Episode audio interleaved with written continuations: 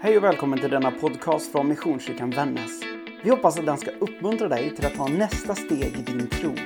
Om du vill ha mer koll på vad som händer hos oss, gå in och följ Missionskyrkan Vännäs på Facebook och Instagram eller kontakta oss via vår hemsida www.missionskyrkanvannas.se.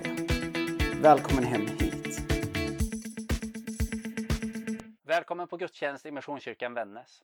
Idag befinner vi oss på Limo Design som är en garnbutik i en by utanför Vännäs. Idag kommer vi fortsätta på vårt tema kvinnoporträtt i Bibeln. Och vi fortsätter ju med att spela in på platser som den här för att visa på att kyrka är vi inte bara i vår kyrkbyggnad. Utan kyrka kan vi också vara i tv-soffan hemma, på vår promenad ute i naturen eller då vi är på andra ställen. De allra flesta av oss har ju upplevt den där känslan av skam. Att vi känt oss fel eller misslyckade och kanske inte för någonting särskilt. Det kan vara skam för vårt utseende eller vår hälsa. Det kan handla om vår uppväxtmiljö eller vårt jobb. Eller kanske att vi inte har något jobb. När jag själv var yngre så kunde jag känna skam för att säga eller skriva fel. Jag tänkte då att andra skulle se på mig annorlunda och se på mig som någon som inte behärskade språket. Jag tänkte att man skulle koppla ihop det med mitt utseende. Minsta felsägning kunde då få det att vända sig i min mage. Och det där, tänker jag i efterhand, kunde ha fått mig att tystna. Men tack och lov fanns det människor som gav mig stöd och uppmuntran och visade på en annan väg. I dagens predikan kommer vi få möta en kvinna som levt med skamkänslorna länge. Det sägs inte exakt hur länge, men det berättas att det handlar om ett helt vuxenliv. Låt oss läsa från Lukas evangeliets första kapitel, verserna 5 till 25. På den tiden då Herodes var kung i Judeen fanns det i Avias avdelning en präst som hette Sakarias. Hans hustru härstammade från Aron och hette Elisabet. De var båda rättfärdiga inför Gud och levde oförvitligt efter alla Herrens bud och föreskrifter. De var barnlösa eftersom Elisabet var ofruktsam och båda var till åren. En gång när turen hade kommit till hans avdelning och han fullgjorde sin prästtjänst inför Gud var det han som efter den sedvanliga lottningen bland prästerna skulle gå in i Herrens tempel och tända rökelseoffret. All folket stod utanför och bad medan offret pågick. Då visade sig Herrens ängel för honom till höger om rökelsealtaret. Sakarias blev förskräckt vid denna syn och fruktan föll över honom. Men ängeln sa till honom, var inte rädd Sakarias. Din bön har blivit hörd. Din hustru Elisabet ska föda en son åt dig och du ska ge honom namnet Johannes. Han ska bli din glädje och fröjd och många kommer att glädja sig över hans födelse. Ty han ska bli stor inför Herren.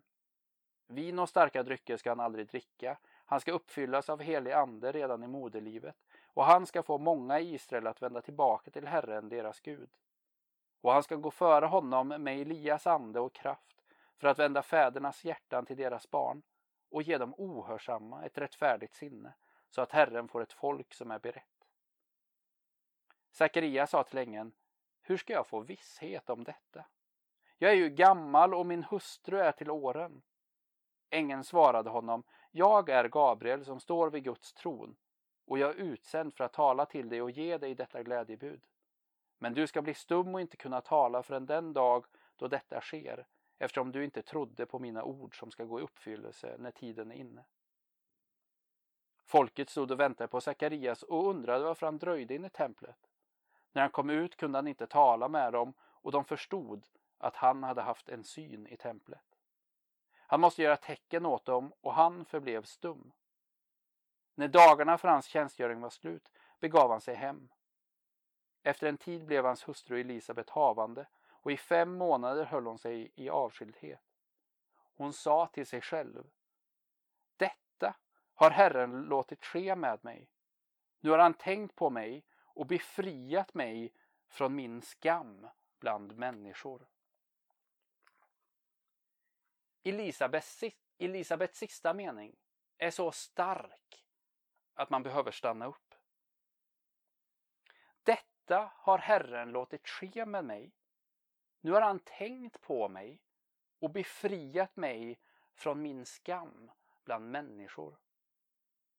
Här är alltså en kvinna som har känt skam under så många år för någonting hon inte riktigt kan råda över. Hon levde i en kultur där kvinnans främsta uppgift var att föda barn. En god kvinna var alltså gift och mor. Av bibeltexten i övrigt så får vi veta några saker om Elisabet. Vi vet att hon var till åren kommen, alltså äldre. Att hon kom från en privilegierad släkt av Arons stam och gift med en man vid namn Sakarias som tjänstgjorde som präst. Hon var släkting med Maria, Jesu mor och hon och Sakarias bodde i ett samhälle i bergsbygderna söder om Jerusalem. Hon var barnlös men var rättfärdig och levde oförvitligt inför Gud. Det verkar finnas ett vägskäl för människor som tror på Gud när livet inte blir som man har tänkt sig. Den ena vägen är att man närmar sig Gud. Där man inser sitt behov av Gud än mer. Den andra vägen är att man börjar skylla på Gud och drar sig undan. För om Gud nu är god, varför gör han inte livet gott för mig? Elisabet, hon valde den första vägen. Hon söker sig närmare Gud när livet känns orättvist. Hon ger inte Gud skulden utan lever med insikten om behovet av Gud. Hon väljer att leva sitt liv rättfärdigt inför Gud och verkar söka Guds vilja trots den skammen som hon upplever. Men handen på hjärtat. Vem hade kunnat döma henne om hon hade valt den där andra vägen? Det vill säga att hon dragit sig undan från Gud och gett Gud skulden för sin barnlöshet och den skammen som andra människor har lagt på henne. Även om det inte är Gud som lagt på henne skammen, utan människorna, så är det ju så ofta och så lätt att det är Gud som får ta konsekvenserna. Den där skammen har ju fått människor i alla tider att ändra, klamra sig fast vid Gud eller att helt och hållet släppa taget. Elisabet, hon kommer dock med en väldigt viktig lärdom. Att skam kan vi aldrig fly ifrån. Utan skam kan endast älskas bort. Skammen kan vi inte fly ifrån utan den kan bara försvinna genom kärleken. Vi vet att viss skam kommer vi alltid att behöva leva med eftersom vi lever i en brusten värld. Men den skammen behöver vi hantera. Ett av Elisabets sätt att hantera den här skammen är att hålla sig nära Gud. Gud som är källan till kärlek. I första Johannesbrevets fjärde kapitel så står det att Gud är kärlek och att vi kan älska därför att han har älskat oss först. Jag tänker att det finns så mycket kraft i de där orden. Att för att älska så behöver vi ha blivit älskade först. Vi kan inte ge det vi själva inte har fått ta emot.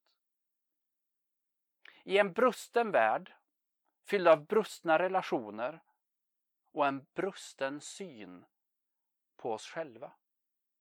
ja då behöver vi påminnas om Guds gränslösa kärlek. Och det är där kyrkan kommer in i bilden. Kyrkan som Kristi kropp har till uppgift att spegla Guds kärlek, Guds gemenskap och göra detta genom god undervisning och andlig vägledning. Gud och kyrka blir på så sätt inte institutioner utan blir relationer. Men vi vet ju av erfarenhet att skammen inte försvinner för att vi vänder någon eller något ryggen. Sann befrielse ligger i att känna sig älskad på djupet. Att fly från sina känslor är sällan en god lösning eftersom de allt som oftast då kommer tillbaka. För ett gäng år sedan så arbetade jag med en kvinna i 60-årsåldern. Hon hade levt ett ganska tufft liv.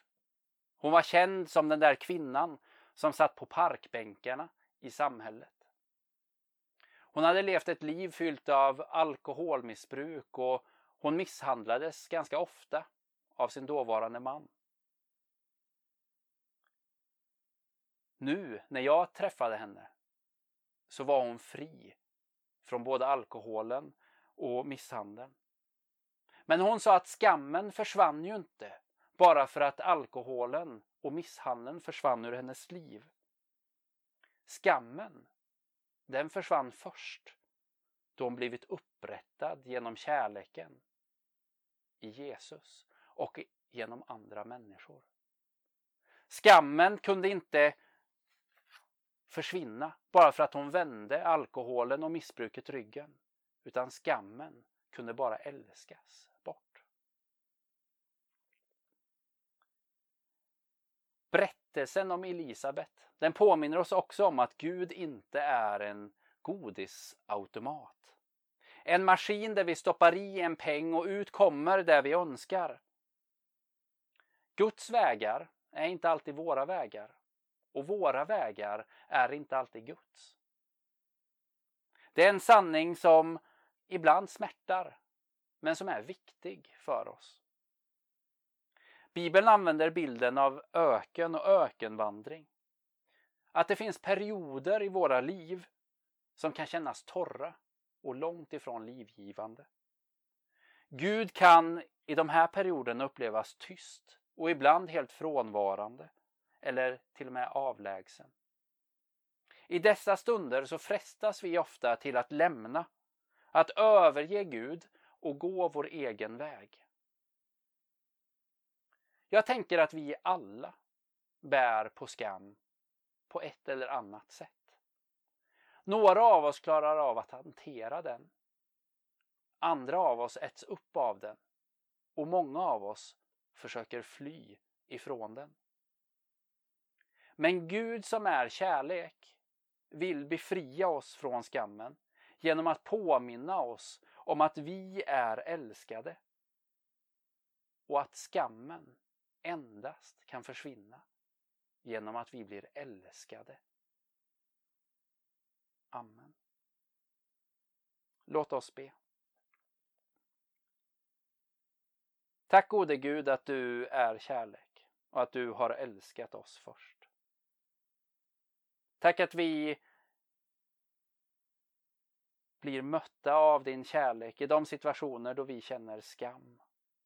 Och jag ber Herre, befria oss från det så att vi kan stå upprättade inför oss själva och inför andra och inför dig. I Jesu namn. Amen.